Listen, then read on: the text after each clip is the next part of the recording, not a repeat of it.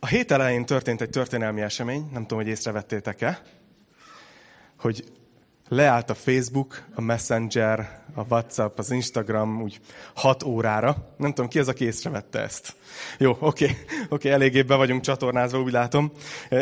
A, a, a rádióban így poénkodtak ezzel, hogy, hogy milyen vicces lehetett, hogy pár ember így rácsodálkozott a családjára, hogy jé, te már ennyit nőttél az elmúlt időben, tudod? Ja, még mindig te vagy a feleségem, tudod? Azzal is poénkodtak, hogy, hogy a 2022. július elején születő babákat majd Zuckerberg babáknak fogják, fogják nevezni. Igen, hát ilyen népességbumok történnek az ilyen nagy áramszünetek, meg ilyesmi idején. De azért beszélek a Facebookról, mert szeretnék egy jelenséget így fölhozni nektek, amit biztos érzékeltek, hogy, hogy egyre, egyre több információ árad ránk, igaz? Tehát, hogy ha fölmész, akkor úgy is vannak ezek az alkalmazások egyébként kitalálva, hogy görges minél többet benne, mert ugye akkor jönnek azok a kémiai anyagok az agyadba, ami miatt jó érzés pörgetni, és persze a végén úgy teszed le a telefont, nem az, hogy hú de jót Facebookoztam, vagy instáztam, vagy TikTokoztam, hanem úgy teszed le, hogy ah, fáradt vagyok, most már muszáj aludni, de mégis úgy van kitalálva, hogy, hogy ez minket így pörgessen. És Közben az a furcsa, hogy, hogy hát így tunyul el szerintem a társadalom, tehát egyre több ember van, aki, aki, aki csak a Facebookról, Instáról, stb. tájékozódik, hogy egyébként mi történik a világban. És ezzel kapcsolatban az a nagyon érdekes, hogy nem biztos, hogy tudjátok, de a fejlődő világban, ahol vannak egész területek, ahol még nincs jó sebességű mobilnet, meg ilyenek, ott nagyon sok szolgáltatónál csak, a, csak ezek a közösségi hálózatok érhetőek el ingyen. Szóval az emberek nem is kattintanak rá a hírekre, amit földob a Facebook, csak a címekből tájékozódnak. És biztos látjátok, hogy vannak ezek a szenzációhajhász címek, tehát nem fogjátok elhinni, hogy miről szól a ma reggeli prédikáció. Ez lesz a mainak a címe, tudod, így, így tesszük ki, és akkor kattintanál. De amiért erről beszélek, mert úgy érzem, hogy miközben egyre több információ áramlik ránk, egyre több, ö, egyre hamarabb terjed az információ az egész Földön. Mégis nem tudom, hogy érzitek hogy egyre nehezebb eligazodni. Egyre nehezebb azt igazán eldönteni, hogy kinek higgyél, és kinek ne higgyél. Melyik hírforrás hiteles, melyik nem hiteles.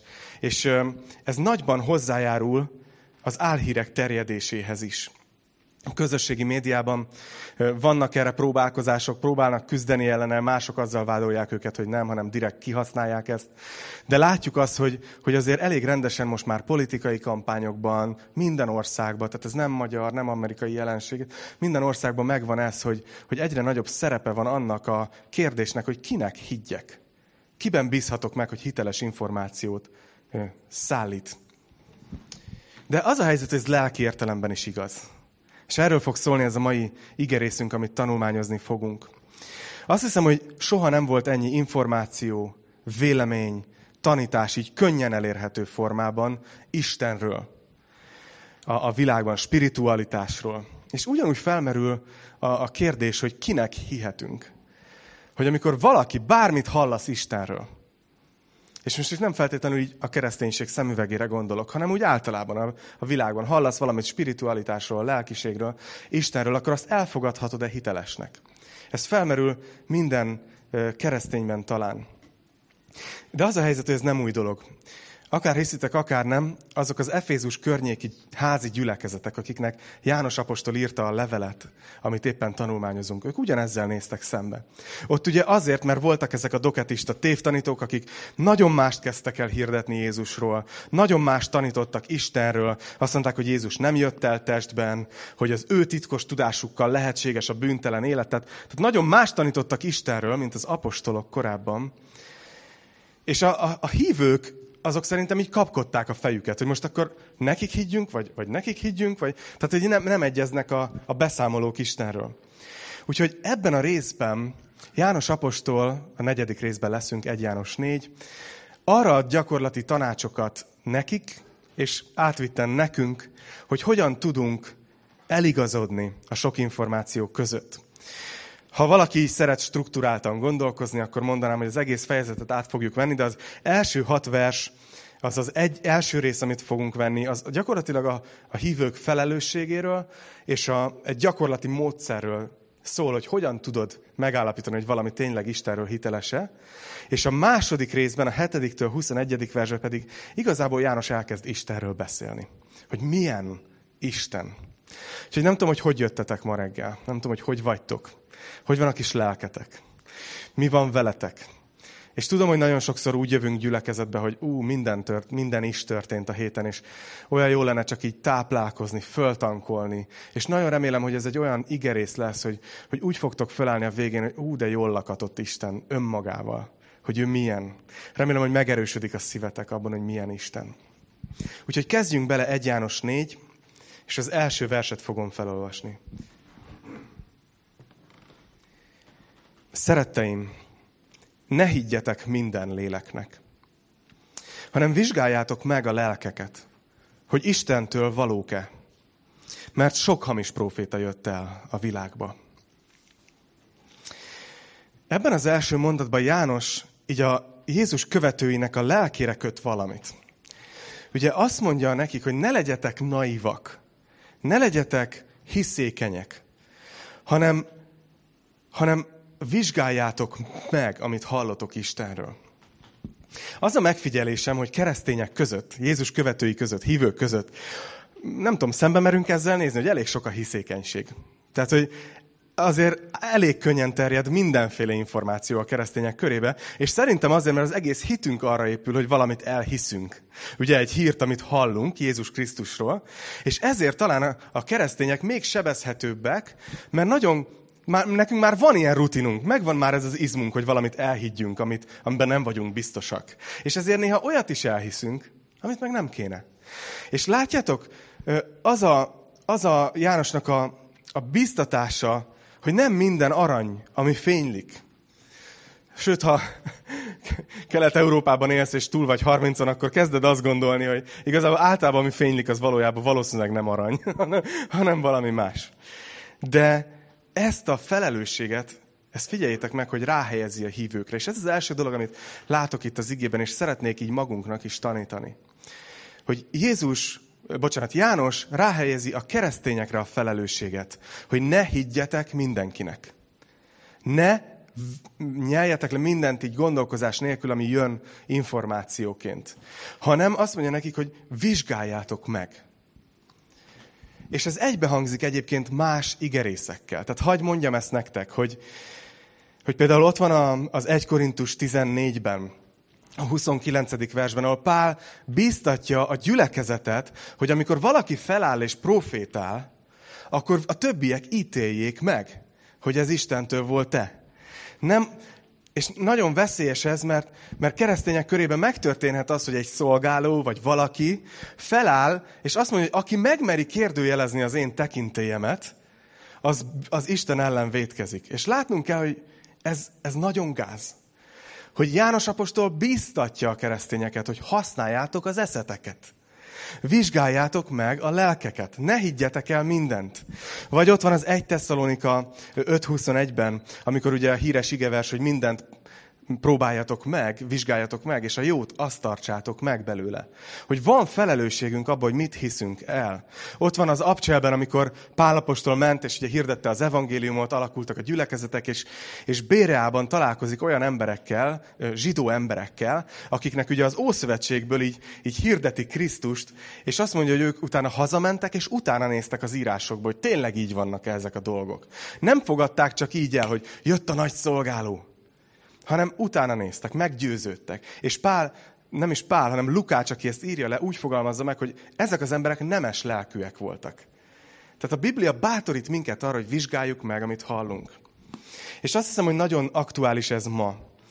Mert rengetegen beszélnek Istenről, spiritualitásról. Kapcsolj be egy rádiót, nyissák ki egy magazint, nyisd ki az internetet. És itt most nem csak keresztény forrásokról beszélek, hanem mindenki beszél Istenről, meg a lelki dolgokról spiritualitásról. És nagyon sok, találkozok ezzel a jelenséggel így, így hívők között, így keresztények között, hogyha valaki mond valamit Istenről, és utána mondjuk tesz valami csodálatos dolgot, akkor a keresztény hajlamos azt mondani, hogy de hát ez működik, hát akkor biztos, hogy igaz, amit mond Istenről. Belecsúszunk ebbe a, ebbe a csapdába, hogyha valami működik, akkor biztos, hogy igaz kell, hogy legyen. Csak az a baj, hogy ezek az emberek sokszor nagyon ellenkező dolgokat mondanak Istenről. Nagyon. Tehát, hogy tudod, ha most, a, most vegyük példának a Petit, mert olyan jó fej volt, és az első sorba ült. Hogyha ha most ti nem ismeritek a Petit, és mondjuk megkérdezitek a Zsuskát, hogy milyen, milyen gyerek ez a Peti, és ő azt mondja, hogy hallod, a legnagyobb rocker, ez egy, ez egy, ez egy, ez egy ilyen vagány csávó, és tudod, szereti a kemény rockot, és, és tudod, nem tudom, Párizsin, meg Zsömlénél tornacipővel jár.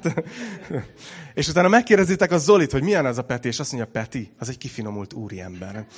A jazz szereti, a provanszi sajtokat. Ez, ez, ez egy ilyen gyerek. És te megkérdeztek engem, és... Amit akarok ezzel mondani, hogy, hogyha valakit megkérdezel, három embert megkérdezel valakiről, és a beszámolójuk nagyon ellentmond egymásnak, akkor nem beszélhetnek ugyanarról az emberről. Akkor valamelyikük nem ismeri azt az embert. Vagy ketten nem ismerik azt az embert. De ez a helyzet ezekkel a spirituális lelki forrásokkal, Istenről beszélő emberekkel a világban, hogy, hogy nagyon-nagyon más Istenképet mutatnak ám. Tehát nem az van, hogy, és biztos találkoztatok ezzel, hogy végső soron minden vallásnak ugyanaz a lényege, ugyanarra a hegyre megyünk fel, csak különböző oldalon mászunk a hegyen, és majd fönt találkozunk, de az a helyzet, hogy másik hegyet mászunk. Hogyha egymás mellé teszed a különböző beszámolókat Istenről, akkor ez nem, vagy egy nagyon tudathasadásos személy Isten,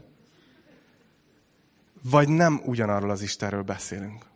És ezt minden tisztelet mellett mondom, jó? Tehát nem ilyen arrogánsan, keresztény gyülekezetben könnyű kiállni és mondani ilyeneket, de azt hiszem, hogy úgy szeretnék ma beszélni, hogy ezt vállaljam bárhol, ahol kiállok. Tehát nem stimmel az, hogy mindenki ugyanarról az Istenről beszél.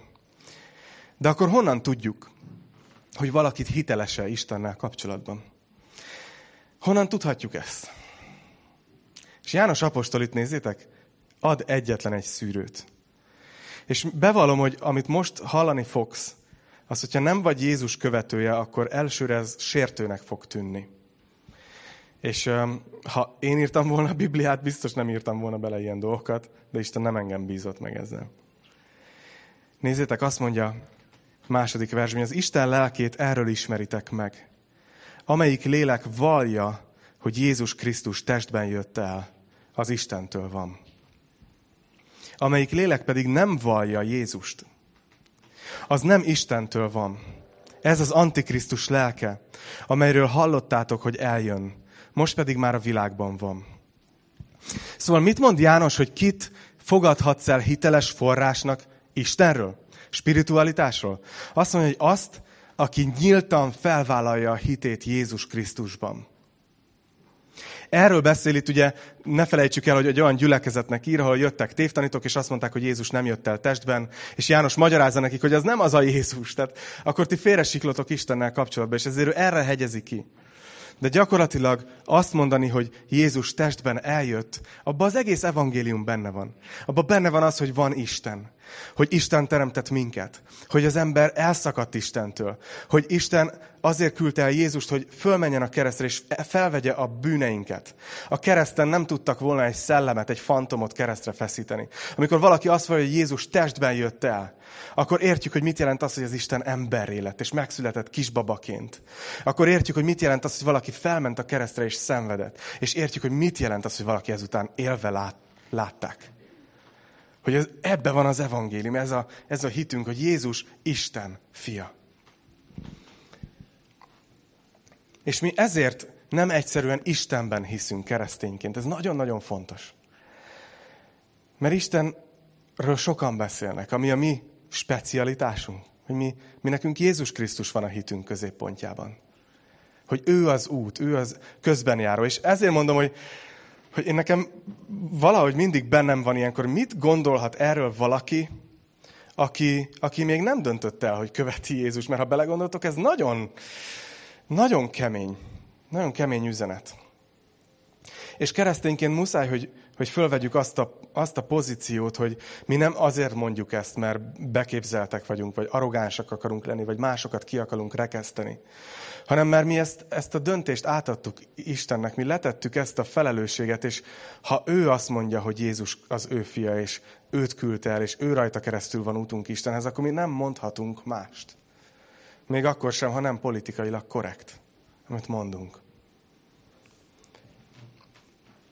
És azt hiszem, hogy ez egy olyan téma, ami, ami egyébként megint csak egy olyan téma, hogy én aggódom így, így a keresztényekért, Jézus követőiért, mert annyira jó emberek vagytok. Tényleg, annyira szeretitek az embereket, hogy annyira nem akarunk konfrontálódni, igaz? Annyira jó lenne azt mondani, hogy igen, a, neked az az igazság, neked az az igazság, és ne konfrontálódjunk, ne legyünk itt fasírtba, hanem, hanem így jó, valahogy szinkronizáljuk ezt a sokfajta hit. Olyan jó lenne ez, nem? Úgy vágyna rá a szívünk. De nem tehetjük meg. Nem tehetjük meg, hogy a hazugságra azt mondjuk, hogy igazság.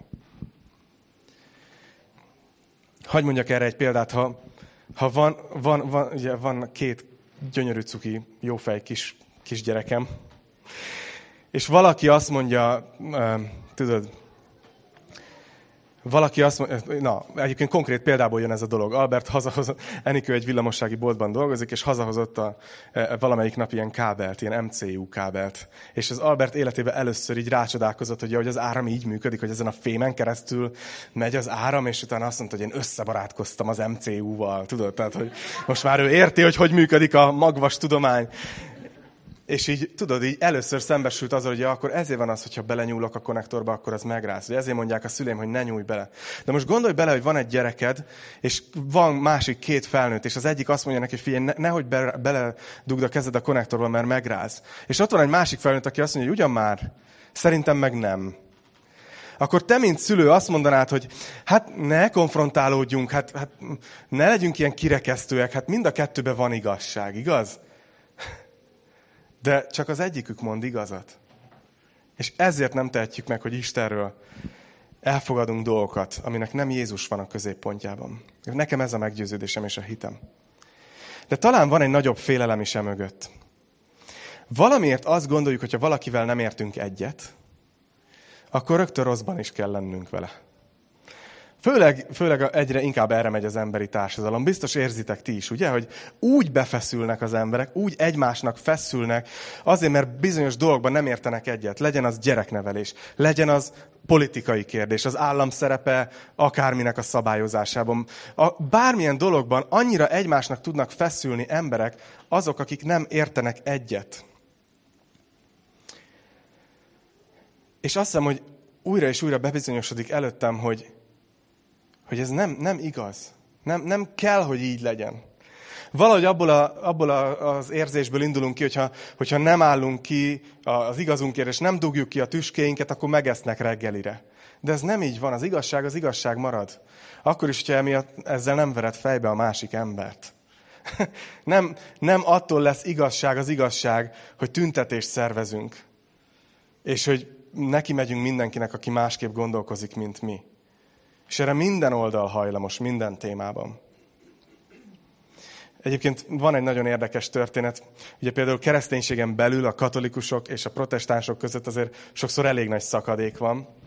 És a, az egyik történet, amit az én munkahelyemen a Luzán, Luzáni mozgalomban így mesélnek, hogy, hogy Ferenc pápa, mielőtt Ferenc pápa lett, és, és bíboros volt, ugye Latin Amerikában, egy, egy helyen élt még ilyen nem tudom, hol egy, egy protestáns vezetővel, tehát egy, egy blogban, vagy egy területen. Tehát gyakran találkoztak egymással. És mindig, mindig így följöttek témák, hogy de azt miért úgy hiszitek, és azt miért úgy gondoljátok, és, és aki ma Ferenc pápa, ő mindig annyit mondott, hogy figyelj, inkább imádkozzunk egymásért. És lehajtotta a fejét, és elkezdett imádkozni. És ez valahol azt hiszem, hogy olyan jó lenne ezt megtanulni, ezt a, ezt a lelkületet, hogy, hogy nem muszáj egymást öm, gyepálnunk azért, mert nem értünk egyet. Hogy tudunk szeretetben együtt élni, attól, hogy nem értünk valakivel egyet. Ez különböztet meg minket az állatoktól. Ezt nem írtam bele a jegyzetembe. De az állatvilágban van ez, ugye, hogyha vita van, akkor... Szóval Istennel kapcsolatban János ezt az egyszerű módszert teszi, és mindjárt megyünk is tovább.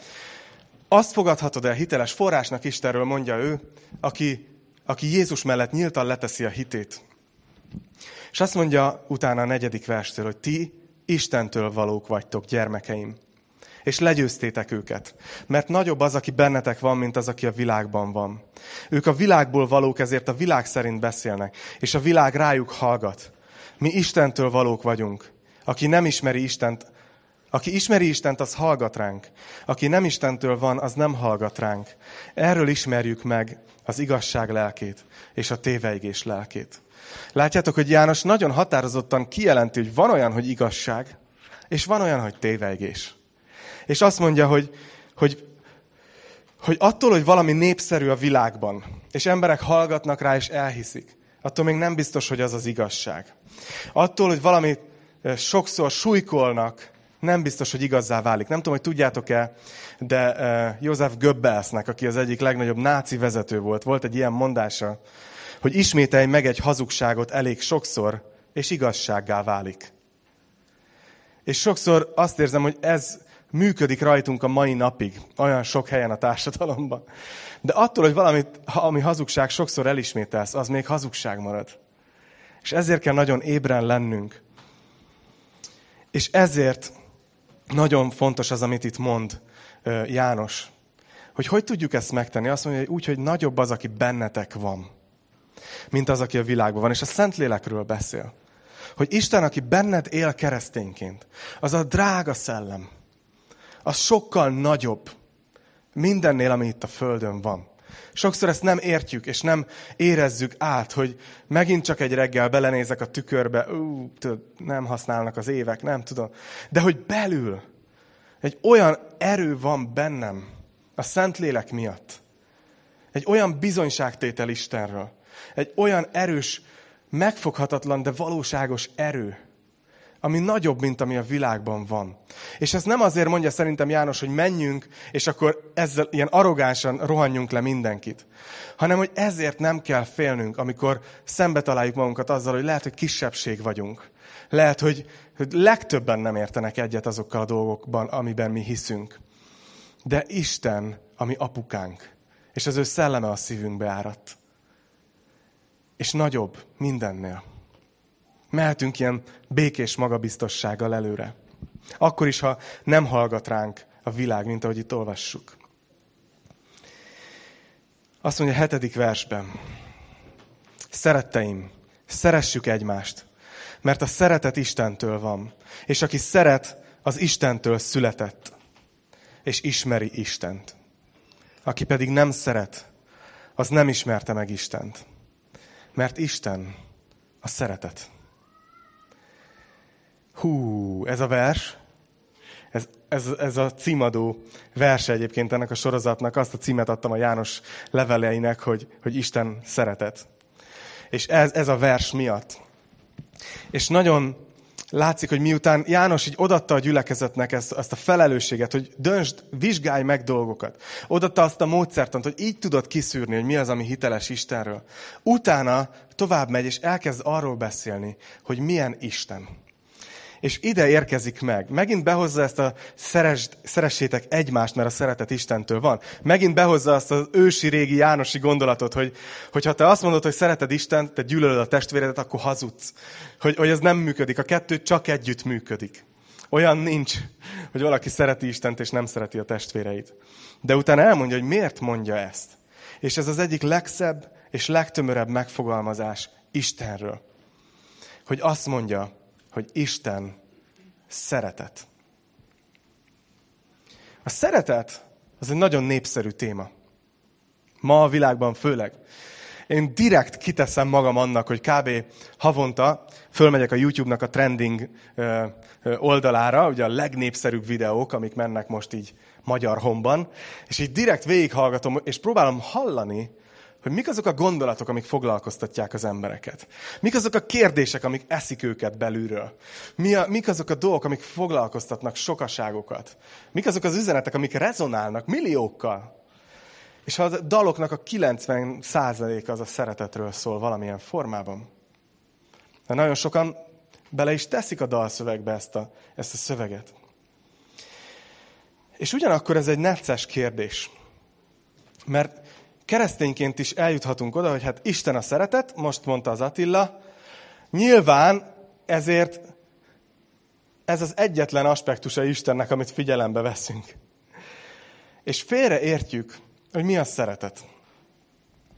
Beszélgettem nem olyan régen valakivel, aki azt mondta, hogy ő már annyi, annyi mindenen átment, annyi keresztény gondolaton látott, annyi minden gyülekezetekben, meg stb., hogy ő oda jutott, hogy őt már nem érdekli semmi, csak a szeretet. Semmi más nem fontos, csak a szeretet. Őt nem érdekli a teológia, kit érdekel, hogy mi az igazság, a lényeg, hogy szeressük egymást. És megint ott találtam magam, ahogy ezt hallottam, hogy ez egy vonzó gondolat. Nektek nem? Hogy olyan egyszerűnek tűnik, olyan megfoghatónak, hogy hagyjuk, ami elválaszt meg. Eh, csak szeressük egymást, gyerekek. Szív a legszebb kincs. És hogy így, csak így adjuk át magunkat ennek, hogy nem kell kimondani semmiről semmit, nem kell egy teologizálni, meg egyebek. Csak az a baj, figyeljetek, hogy amikor így állsz hozzá, akkor nem azt mondod, hogy Isten a szeretet, hanem igazából azt mondod, hogy a szeretet az Isten. Ez megvan? Hogy nem mindegy, hogy azt mondod, hogy az az Isten, aki létezik, aki egy létező személy, akiből egy van. Az ő jelleme, az ő egész egyénisége, tudod mi? Ő, ő a szeretet. Vagy azt mondod, hogy fogsz egy ilyen fogalmat, ami alatt mindenki mást ért a világon, mindjárt beszélek erről is, és azt mondod, hogy na ez az Isten. Nagyon más. De mi a szeretet bibliai értelemben? Amikor a Biblia azt mondja, hogy Isten szeretet, akkor mire gondol? 9. verstől felolvasom a 12-ig. Abban nyilvánult meg az Isten irántunk való szeretete, hogy egy szülött fiát küldte el Isten a világba, hogy éljünk általa. Ez a szeretet. És nem az, hogy mi szeretjük Istent, hanem az, hogy ő szeretett minket. És elküldte a fiát engesztelő áldozatul a bűneinkért. Szeretteim, ha így szeretett minket Isten, akkor mi is tartozunk azzal, hogy szeressük egymást. Isten soha senki nem látta. Ha szeretjük egymást, Isten bennünk lakik, és az ő szeretete lett teljessé bennünk. Itt János nem kevesebbre vállalkozik, mint hogy definiálja nekünk, hogy mire gondol, amikor azt mondja, hogy Isten a szeretet. És azt mondja, hogy nem az a szeretet, hogy mi szeretjük Istent, hanem az a szeretet, hogy Isten az ő fiát elküldte, és két dolgot mond, hogy miért. Azért, hogy engesztelő áldozat legyen a bűneinkért. Magyarul mi emberek bűnösök vagyunk. És Isten abban mutatta meg a szeretetét, hogy ő akarta ezt megoldani. Hogy ne maradjunk ebbe az állapotba, hogy, hogy valahogy visszaálljon a kapcsolat. És ezért a saját fiát, önmagát küldte el az Isten. És önmaga hordozta el önmaga ítéletét. Azért, hogy engesztelést szerezzen nekünk. Hogy mi igaz emberként állhassunk Isten előtt. Isten azt mondja, hogy azért küldte el a fiút, hogy éljünk általa. Hogy Istennek az a terv, hogy mi egy ilyen kiteljesedett, teljes életet éljünk. És János így definiálja a szeretetet. Olvastam egy cikket nem olyan régen a mai evangéliumi világban az egyik leg, leginkább olyan teológus, akire odafigyelnek, Szabados Ádámnak hívják egyébként, nem tudom, hogy vagytok-e, akik követitek a blogját, Írt egy nagyon érdekes bejegyzést egy pár hete, hónapja, aminek az volt a címe, hogy szavak és szimbólumok elkárhozása. Gyakorlatilag arról beszélt, és fölhozott sok-sok példát egymás után, hogy bizonyos szavak, amit használunk, hogyan ürülnek ki, vagy akár cserélik ki a jelentés tartalmat benne. És ö, fölolvasnám nektek azt a részt, amikor a szeretetről beszél. És hallgassátok nyitott szívvel. Szerintem iszonyú jól összeszedte. Az iszonyú az egy rossz szó. Nagyon jól összeszedte. Ezt mondja, hogy hasonló a helyzet az egyik legértékesebb, leggyönyörűbb fogalommal, megszámlálhatatlan mennyiségű műalkotás, film, vers, regény, mítosz vagy mese központi témájával, a szeretettel. A Harry Potter mesesorozat például azzal kezdődik, hogy egy édesanyja az életét adja a fiáért. És azzal fejeződik be, hogy egy professzor életét adja a diákjaiért, egy diák pedig a társaiért. Mert nincsen nagyobb szeretet annál, ha valaki életét adja a barátaiért. A szeretet áldozatos. A szeretet lemond. A szeretet nem szeg esküt. A szeretet hosszú tűrő. A szeretet álhatatos, a szeretet tiszta. A szeretet nem a maga hasznát keresi, és nem a saját vágyait részesíti előnyben. A szeretet nem hivalkodik. A szeretet nem büszke. A szeretet nem örül a hamisságnak. A szeretet nem veszíti el a reményt és a hitet, mert a szeretet ilyen. De amikor valaki ma azt mondja, hogy a szeretet az szeretet, ennek szinte homlok egyenes az ellenkezőjére gondol. Mert a szeretet ebben a tautológiában, bármit is jelentsen ez, elementáris vágyakról szól, amelyeknek nem lehet határt szabni, mert a szeretet az szeretet. A szeretet felmondja a hűséget, mert a szeretet az szeretet. A szeretet esküt is szeg, mert a szeretet az szeretet. A szeretet nem ismer parancsok, isteni parancsokat, mert a szeretet az szeretet. A szeretet a romantika és a füllet erotika határtalansága, mert a szeretet az szeretet. A szeretet türelmetlen, mert a szeretet az szeretet. És folytathatnánk. Ez a szeretet nem ismer el mást, csak a minden korlátot elsöpörő vágyat, és illetve a vágyak jogát, hogy minden korlátot elsöpörjenek. Mert ilyen ez a szeretet. De a szeretet valójában nem ilyen. A szeretet akkor ilyen, amikor a szó elkárhozik. És így, így olvastam ezt, és mondom, uh, de jó, hogy végre valaki megfogalmazta. Hogy látjátok, hogy attól, hogy valaki azt a szót használja, hogy szeretet, még lehet, hogy nagyon más dologra gondol. És ezért nagyon fontos, amit itt láttunk, hogy János is így definiálja a szeretetet, ahogy az Ádám. Valószínűleg Ádám azért definiálja így a szeretetet, mert Isten így definiálja. És azt mondja, hogy, hogy abban nyilvánult meg az Isten szeretete, hogy adott. Hogy adta a fiát. Ma a szeretet az leginkább úgy nyilvánul meg az emberek között, hogy mi az, amit te tudsz nekem adni. Totál más. És ezért Ugye beszéltem arról, hogy miért veszélyes az keresztényként, és mindjárt megyek tovább a részben. De beszéltem erről, hogy miért veszélyes keresztényként az, amikor azt mondjuk, hogy, hogy nem számít teológia, nem számít semmi, csak a szeretet. Mert amikor Jézus eljött, akkor azt mondja róla az ige, hogy ő tele volt kegyelemmel és igazsággal. Látjátok, hogy, hogy Istennek ott volt az az oldala. Jézus, ha csak kegyelemmel lett volna tele, akkor nem kellett volna elmenni a keresztre. Mert akkor azt mondta volna, hogy Isten kacsint egyet, nem olyan nagy dolog a bűn. Szeressük egymást, gyerekek. De Jézus tele volt igazsággal, ő megmondta, amikor valami nem volt igaz, és tele volt kegyelemmel. Na, ha ezt megtanuljuk valahogy, így keresztényként, az nagyon-nagyon szuper. És azt hiszem, hogy keresztényként, főleg így ma figyelve a közbeszédet, és nem az átlag hívőről beszélek. Szerintem a kereszténység kicsit belecsúszik abba, hogy annyira védjük az igazságot, hogy elfelejtkezünk a szeretetről. Tehát nem árt, hogyha hangsúlyozzuk a szeretetet, de a kettő együtt, a kettő együtt az igaz.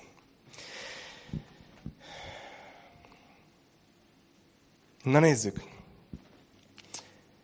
Abból tudjuk meg, hogy benne maradunk, és ő mi bennünk hogy a saját lelkéből adott nekünk.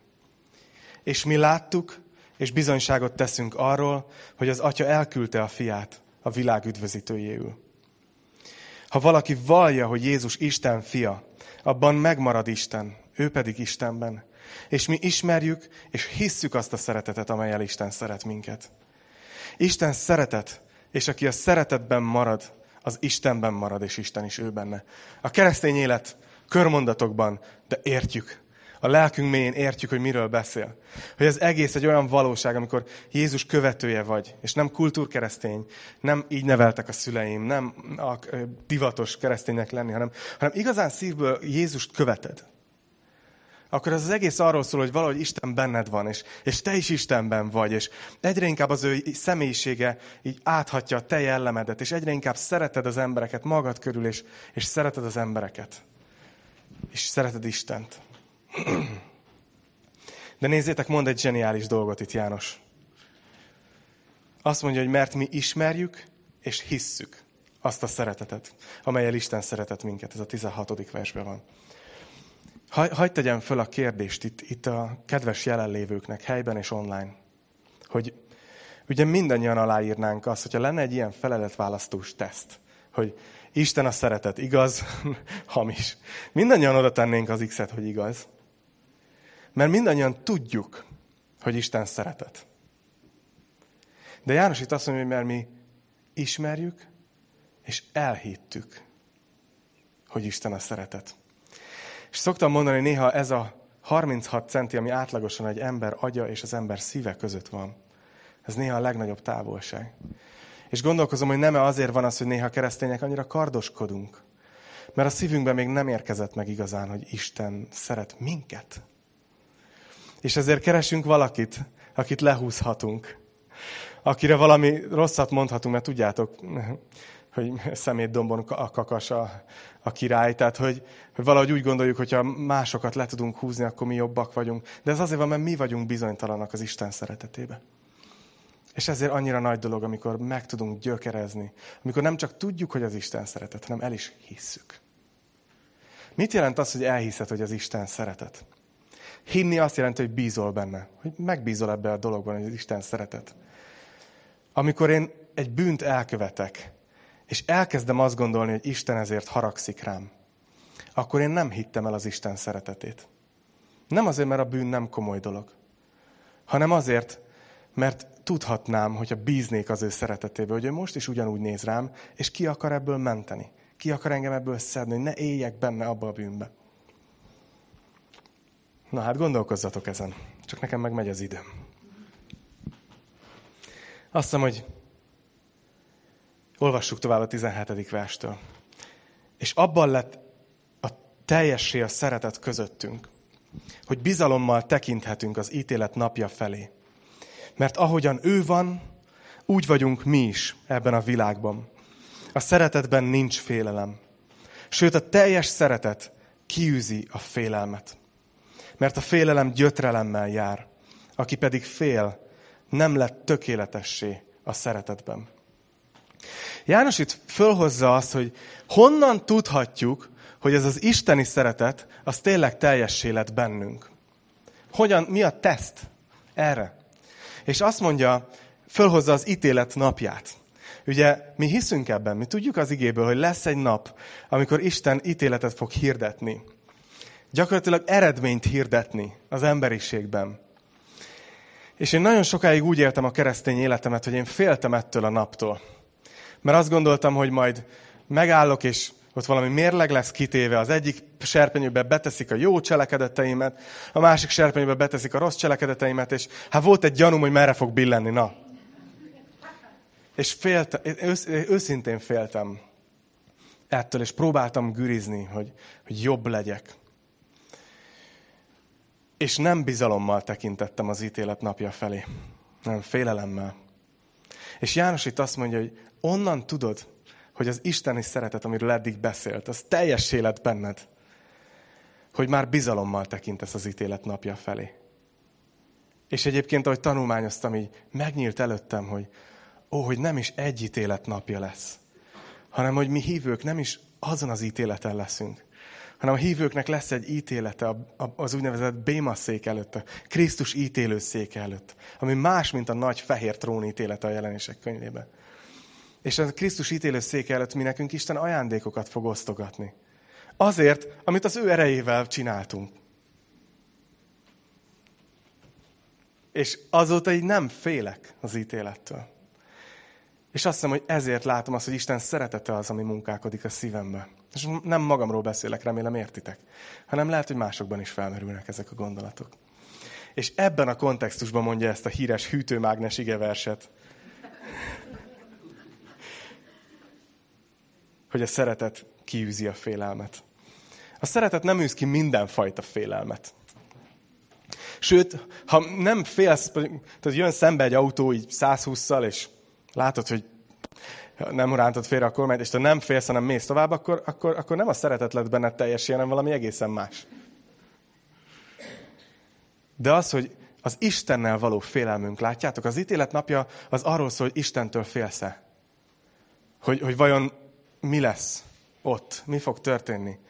És ezeket a fajta félelmeket Isten elveszi.